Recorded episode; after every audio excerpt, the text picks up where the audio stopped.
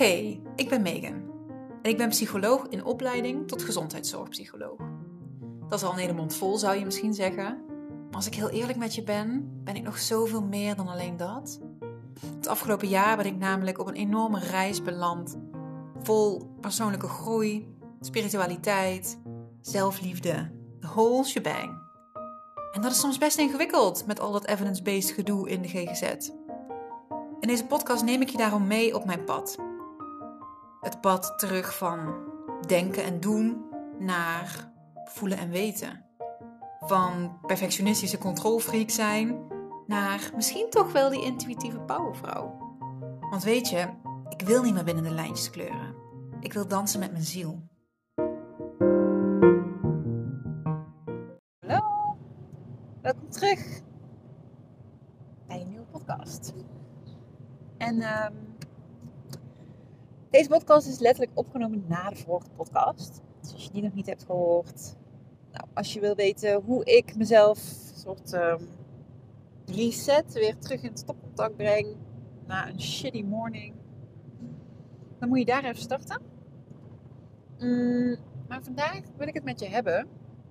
En ongetwijfeld dat dit topic nog vaker aan bod gaat komen. Maar ik heb zo'n waardevol boek gevonden. Oh, het is echt. Het heet Hunt Gather Parent. Volgens mij heb ik hem al eens benoemd in, een eerdere podcast. Dus jagen, verzamelen, opvoeden. Ik lees hem in het Engels. Ik, ik, ik vind Engels. Ja, ik weet, ik hou van Engels. Ik vind als een boek origineel in het Engels geschreven is, dat de terminologie vaak veel meer tot zijn recht komt of zo. Dus als het, als het enigszins kan, dan lees ik, dan lees ik een Engelstalig boek ook in het Engels. Um, maar goed, Engels boek lees ik dus over opvoeden.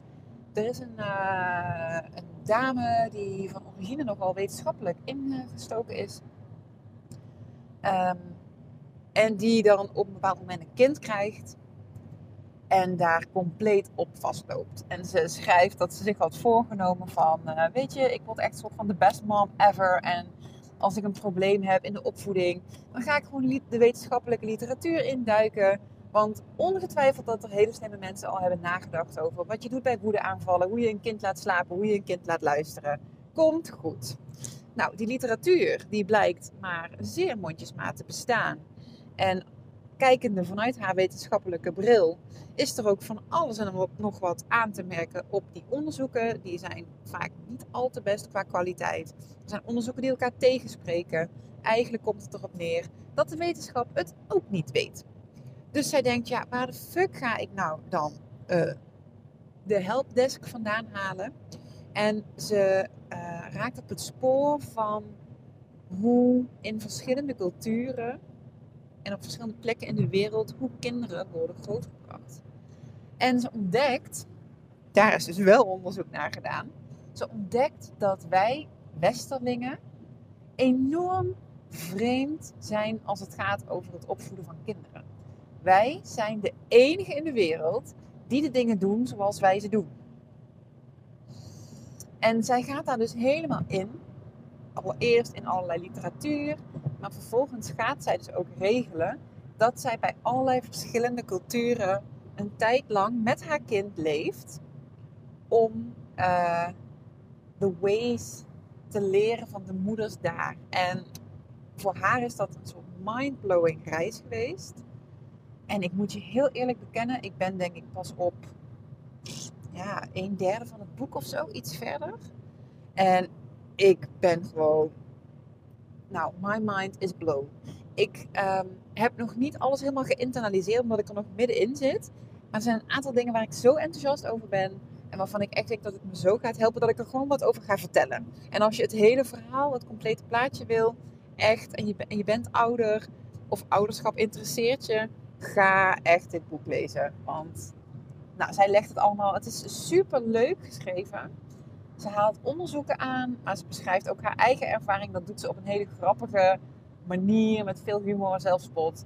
Uh, het, leest super makkelijk weg. Het is echt niet een soort droog technisch opvoedboek. Verre van zelfs. Het is echt heel leuk.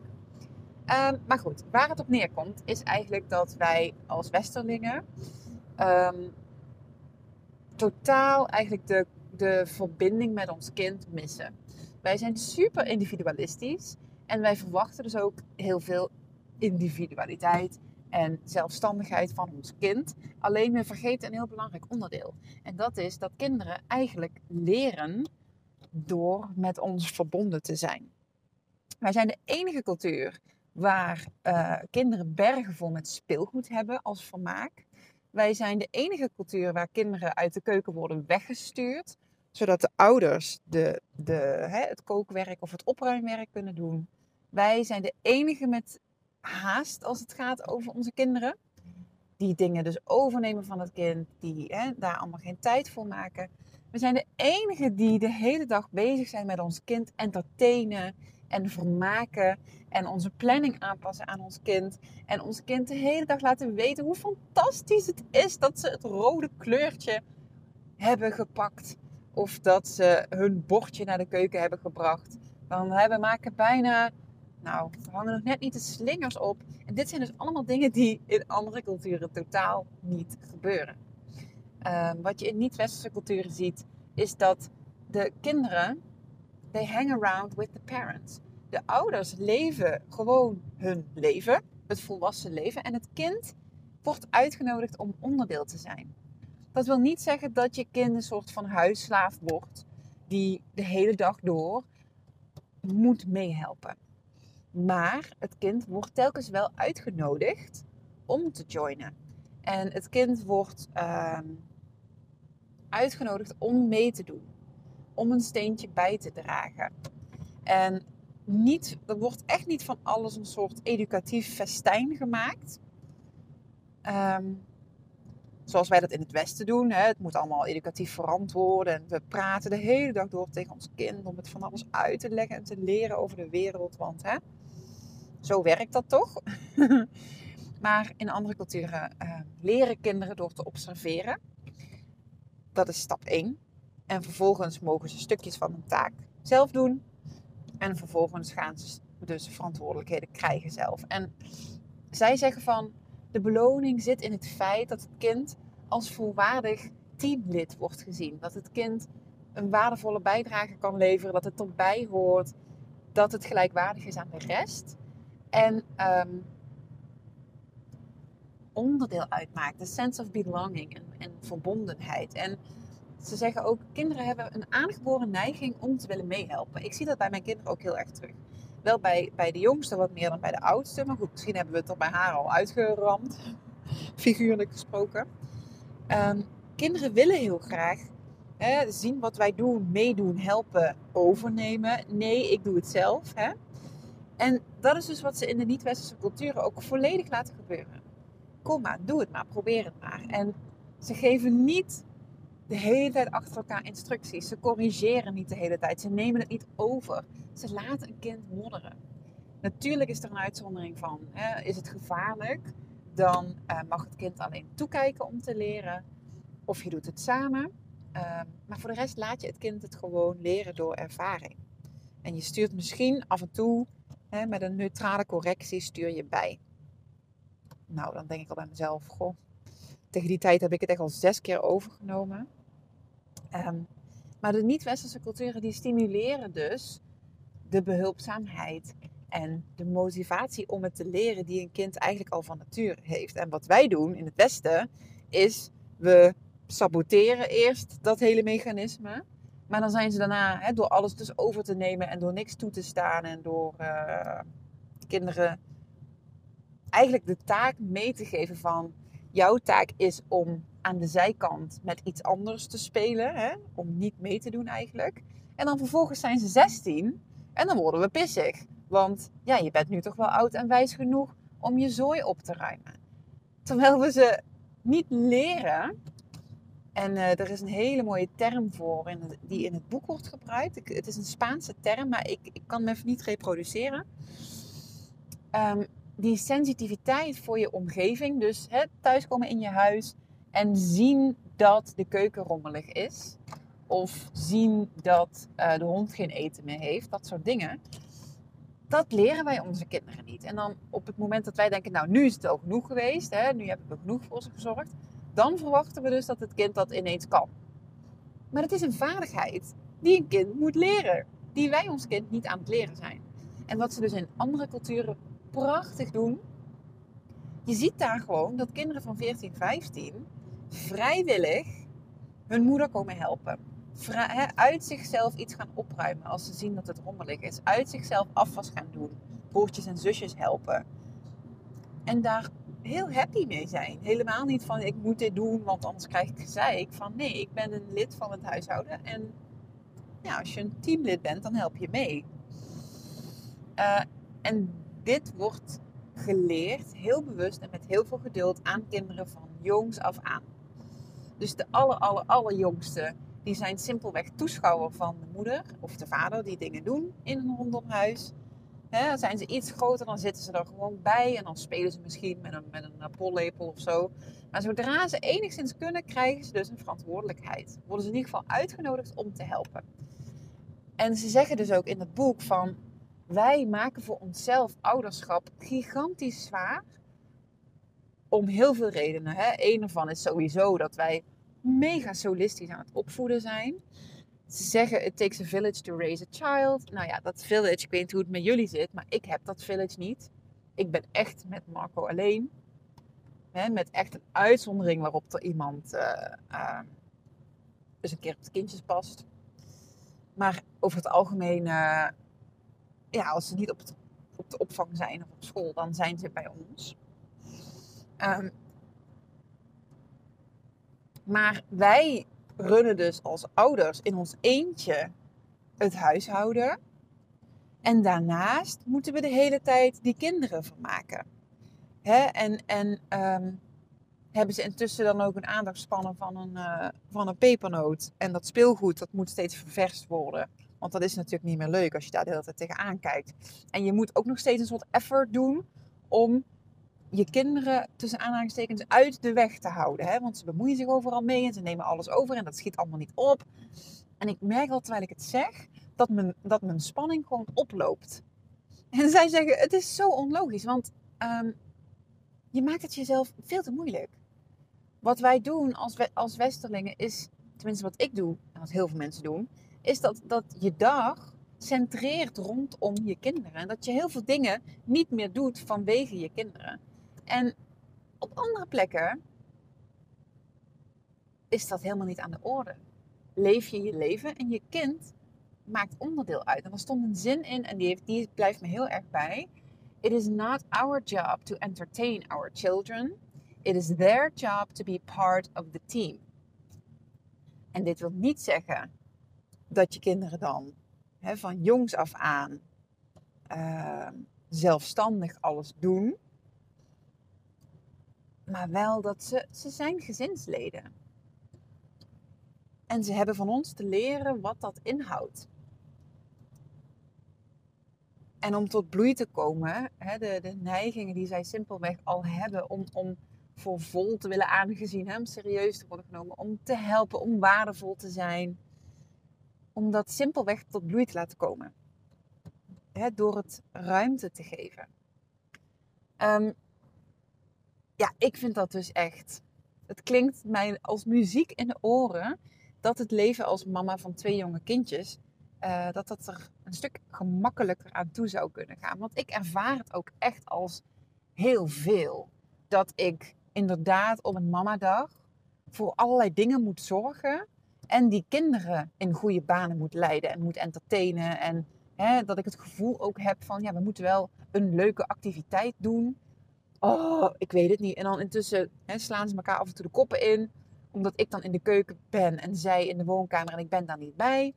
En dit boek geeft me zoveel aanknopingspunten. Want ze zeggen, zij zegt dus um, hoe, het, hoe het er in hè, bijvoorbeeld de Maya-cultuur of de Inuit-cultuur, of hoe het er op die plekken aan toe gaat, is dat de kinderen worden uitgenodigd om er gewoon bij te zijn. En dat wil dus niet zeggen dat ze de hele tijd allerlei klussen moeten doen. Het mag, hè, ze worden uitgenodigd van hey, kom je mee? Uh, we gaan samen het keukenkastje opruimen. Help je me mee? Bijvoorbeeld. Hè? Dit is wat ik, wat ik gisteren heb gedaan. Hè? Het keukenkastje was al een paar weken een zooi en we konden niks meer vinden. En het, nou ja, het moest opgeruimd worden. Maar dat is dan iets waarvan ik normaal gesproken denk... Oh, poeh, nee, als ik dat met de kinderen erbij ga doen, dat wordt uh, één zooi. Daar heb ik geen zin in. Dat is alleen maar gedoe. Maar nu dacht ik, oké, laat ik eens En hoe zouden deze mama's dat doen? Nou, die zouden, die zouden het toch samen doen. Ehm, want dat is wel een heel belangrijk component overigens. Dit is het, de, de, de, het gaat er niet over dat je zegt... Oké jongens, jullie gaan stofzuigen en mama gaat de keuken doen of zo. Hè? Of jullie ruimen de vaatwasser uit en ik ga het keukenkastje opruimen. Het gaat niet erover dat het kind de taak zelfstandig aan het doen is. Sterker nog, die verbondenheid van het samen doen, dat is waar kinderen heel erg naar verlangen überhaupt. Hè? Dat is een, een, ja, een, een behoefte die er van nature is, die wij in het Westen overigens veel te weinig geven aan ons kind over het algemeen. Dus de, de key is dat je het samen doet. Je doet samen de taak. Laten we samen de vaatwasser uitruimen. Laten we samen de groenten snijden. In mijn geval, gisteren, we gaan samen het keukenkastje opruimen. Wat dat in de praktijk inhield, was dat ik ze één keer uitnodigde en zei: haal het kastje maar leeg. Haal alle spullen er maar uit. Ik was intussen begonnen. Dus er begon zich in het midden van de keuken een enorme berg aan spullen te verzamelen. Wat natuurlijk voor die kleintjes na 10 seconden al veel interessanter was dan, uh, die, dan die kast leeghalen. Dus uh, zij gingen gewoon met die spulletjes rommelen. Bodie ging iets met bekers doen en Jane had een rietje gevonden. En die ging helemaal op daarin. En dat heb ik gelaten. Dus het kwam erop neer dat wij eigenlijk met z'n drieën in de keuken waren. En dat zij zich met de spullen aan het amuseren waren die ik aan het opruimen was. En ik heb dat laten gebeuren. Dus waar ik kon, heb ik ze wel af en toe uitgenodigd van. Uh, ik, ging de, ik ging de planken schoonmaken. Dus ik zei van, uh, wil, uh, iemand de, de, planken afvegen? Maar daar werd niet op gereageerd, want ze zaten gewoon lekker hun ding te doen. Dus ik heb dat gelaten. Maar we waren wel samen. En omdat ik zo in de buurt was en af en toe dus ook kon reageren of iets kon aangeven. Of hun kon vragen van, hè, geef mij eens even dat bakje aan. We waren samen en er ontstond geen ruzie. Er was geen gedoe. En ik heb op mijn gemak, echt letterlijk, ik heb gewoon echt heel relaxed dat keukenkastje opgeruimd, schoongemaakt, terug ingeruimd, dingen weggegooid. En toen ik ze op een gegeven moment vroeg van, oké, mag ik dan nu de bekers waar je mee aan het spelen bent? Dat was geen probleem. Dat was geen probleem. En ik was echt zo van, oké, is dit nu een soort, uh, is dit een lucky shot? Of, of hoe, hoe zit dit? toen heb ik gezegd van, uh, oké, nu is het tijd om de wc te poetsen. En toen zei Jane, mag ik de gang poetsen? En toen dacht ik, de gang? Wat wil je in godsnaam poetsen in die gang? Dus ik zei, ik zei meteen, je mag niet de muren poetsen hoor, want dat, daar zit verf op. Achteraf denk ik, waarom zeg ik dit? Maar toen vroeg ik aan haar, want dat was een van de dingen die ook in het boek staat, van waardeer ook de, de inbreng die je kind doet. Neem dat serieus. Toen vroeg ik, wat wil je, wat wil je dan poetsen? En toen zei ze de vloer. Toen dacht ik, ja, ik heb vanochtend gestofzuigd. Op zich is het wel al heel lang geleden dat daar gedwijld is. En dan zegt mijn hoofd dus gelijk, ja, maar dat is niet handig, want dan kun je beter in één keer dweilen. En dan moeten we eigenlijk eerst van boven naar beneden stofzuigen. Toen dacht ik, Megan, stop, stop, stop, stop, stop. Dit is dus ook vanuit hè, um, het anders opvoeden. Dat je alles wat je kind doet, dat je dat waardeert. Zij wil de gang dweilen, whatever, weet je wel. Ik zei, oké, ik ga de wc poetsen. Jij, um, jij mag de vloer dweilen. Dus we hebben samen de dweilen gepakt. Een emmer met water. Ik heb mijn spulletjes gepakt die ik nodig had om de wc te poetsen. Ik vroeg aan Bodie, wat wil jij? Nou, hij wilde ook dweilen, dus hij mocht hè, de, het nadrogen doen. En zij hebben de vloer gedweild. Ik deed intussen de wc. Bodie wilde bij mij nog even komen kijken, dus ik vroeg hem, wil je dan uh, het trapje schoonmaken en de prullenbak. En iedereen had zijn taak. En ze waren zo eager om te helpen. Ik heb helemaal niet gekeken of die vloer goed schoon was. Bij de wc vond ik dat wel belangrijk. Dus heb ik een, heb ik een korte instructie gegeven van alle tegels, hè, ook de hoekjes. En ze waren zo gewichtig dat aan het doen dat ze, Jane ging soort van een beetje stressen, omdat ze wel heel veel wilde meehelpen. En dat niet Bodie alles mocht doen, weet je wel. En intussen hadden wij dus in een uur tijd dat vervelende keukenkastje gedaan waar ik al zo lang tegenaan hikte. En de wc en de gang gedweld en schoongemaakt. En het was eigenlijk gewoon leuk. Omdat wat er normaal dus gebeurt als ik dit doe, is dat ik die wc ga poetsen. Ik tegen hun zeg, nou, hup, even aan de kant. Mama gaat even schoonmaken, ga maar spelen. Zij gaan dan spelen. En binnen vijf minuten hebben ze weer ergens gedoe over. En dan moet ik daar weer naartoe. En dan moet ik ze weer, hè, ben ik weer politieagent. En dan stoort dat me weer, want ik wil die wc schoonmaken. Dat is wat ik ga doen. Het wordt gewoon gedoe. En dit is in zeker opzicht ook gedoe. Omdat je dus toch een beetje moet monitoren, zeg maar. Hè? Dat ze wel de vloer schoonmaken en dat ze dat doen. Dat ze geen rare dingen doen, zeg maar. En het was ook een beetje gedoe in de zin van dat ik moest loslaten. Kijk, die gang, die is echt niet uh, helemaal schoon nu. En ze is niet onder schoenen geweest. En, hè? Maar ja, fucking boeien. Want als ik dit niet had voorgesteld, dan was er helemaal niks gebeurd met de gang. Hè? Want ik was helemaal niet van plan om die te dweilen. Dus hij is in ieder geval gedeeltelijk gedweld. Dus als je dat dan loslaat, dat het op een bepaalde manier moet, dan is het dus best wel eenvoudig. En wat ik ook heb gedaan was dat normaal zou ik dus doen van ik ga koken, de kinderen gaan voor de tv. En nu heb ik zo gedaan dat ik rond een uur of drie, ik was even moe en ik, ik wilde op de bank liggen. Nou, volgens het boek zeg je dan, de kinderen doen wat jij doet. Dus dat is ook voor hun dan even een rustmoment. Dus zij hebben toen hun half uurtje tv gepakt. Ik heb mijn half uurtje chilltijd gehad. En ehm, daarna zijn we dus dingen gaan doen. Ja, ik ben hier dus heel enthousiast over. En ik ga dit zeker, ehm, ik ga dit hier zeker mee oefenen. Ze zeiden dat je zo goed als al het speelgoed zelfs kan wegdoen als je dit echt gaat omarmen. Want speelgoed is niet nodig als je kinderen. Jij bent zeg maar het entertainment doordat je gewoon ze meeneemt in het dagelijks leven. Nou ja, nu is dat natuurlijk wel een grote stap. Maar uh, uh, als andere tip stond er van ga eens met je kinderen onder het mom van hè, er, zijn, er zijn kindjes die geen speelgoed hebben. Uh, we gaan speelgoed uitzoeken om aan ze te geven. Halveer je speelgoed eens even.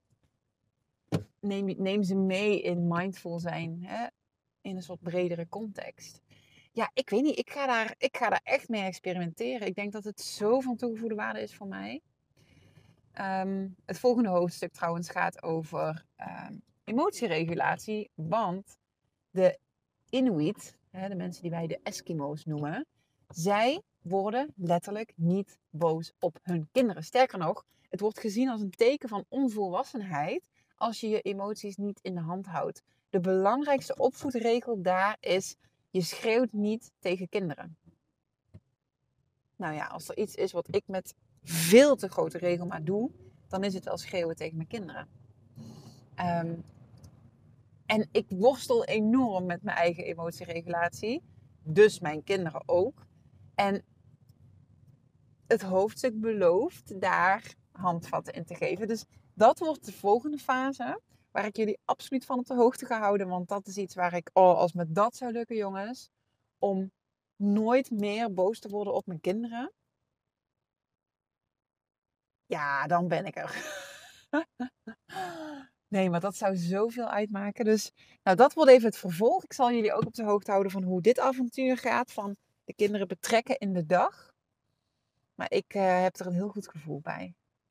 Oké, dankjewel voor het luisteren. Heel graag tot de volgende. En uh, fijne dag, avond, whatever. Doei!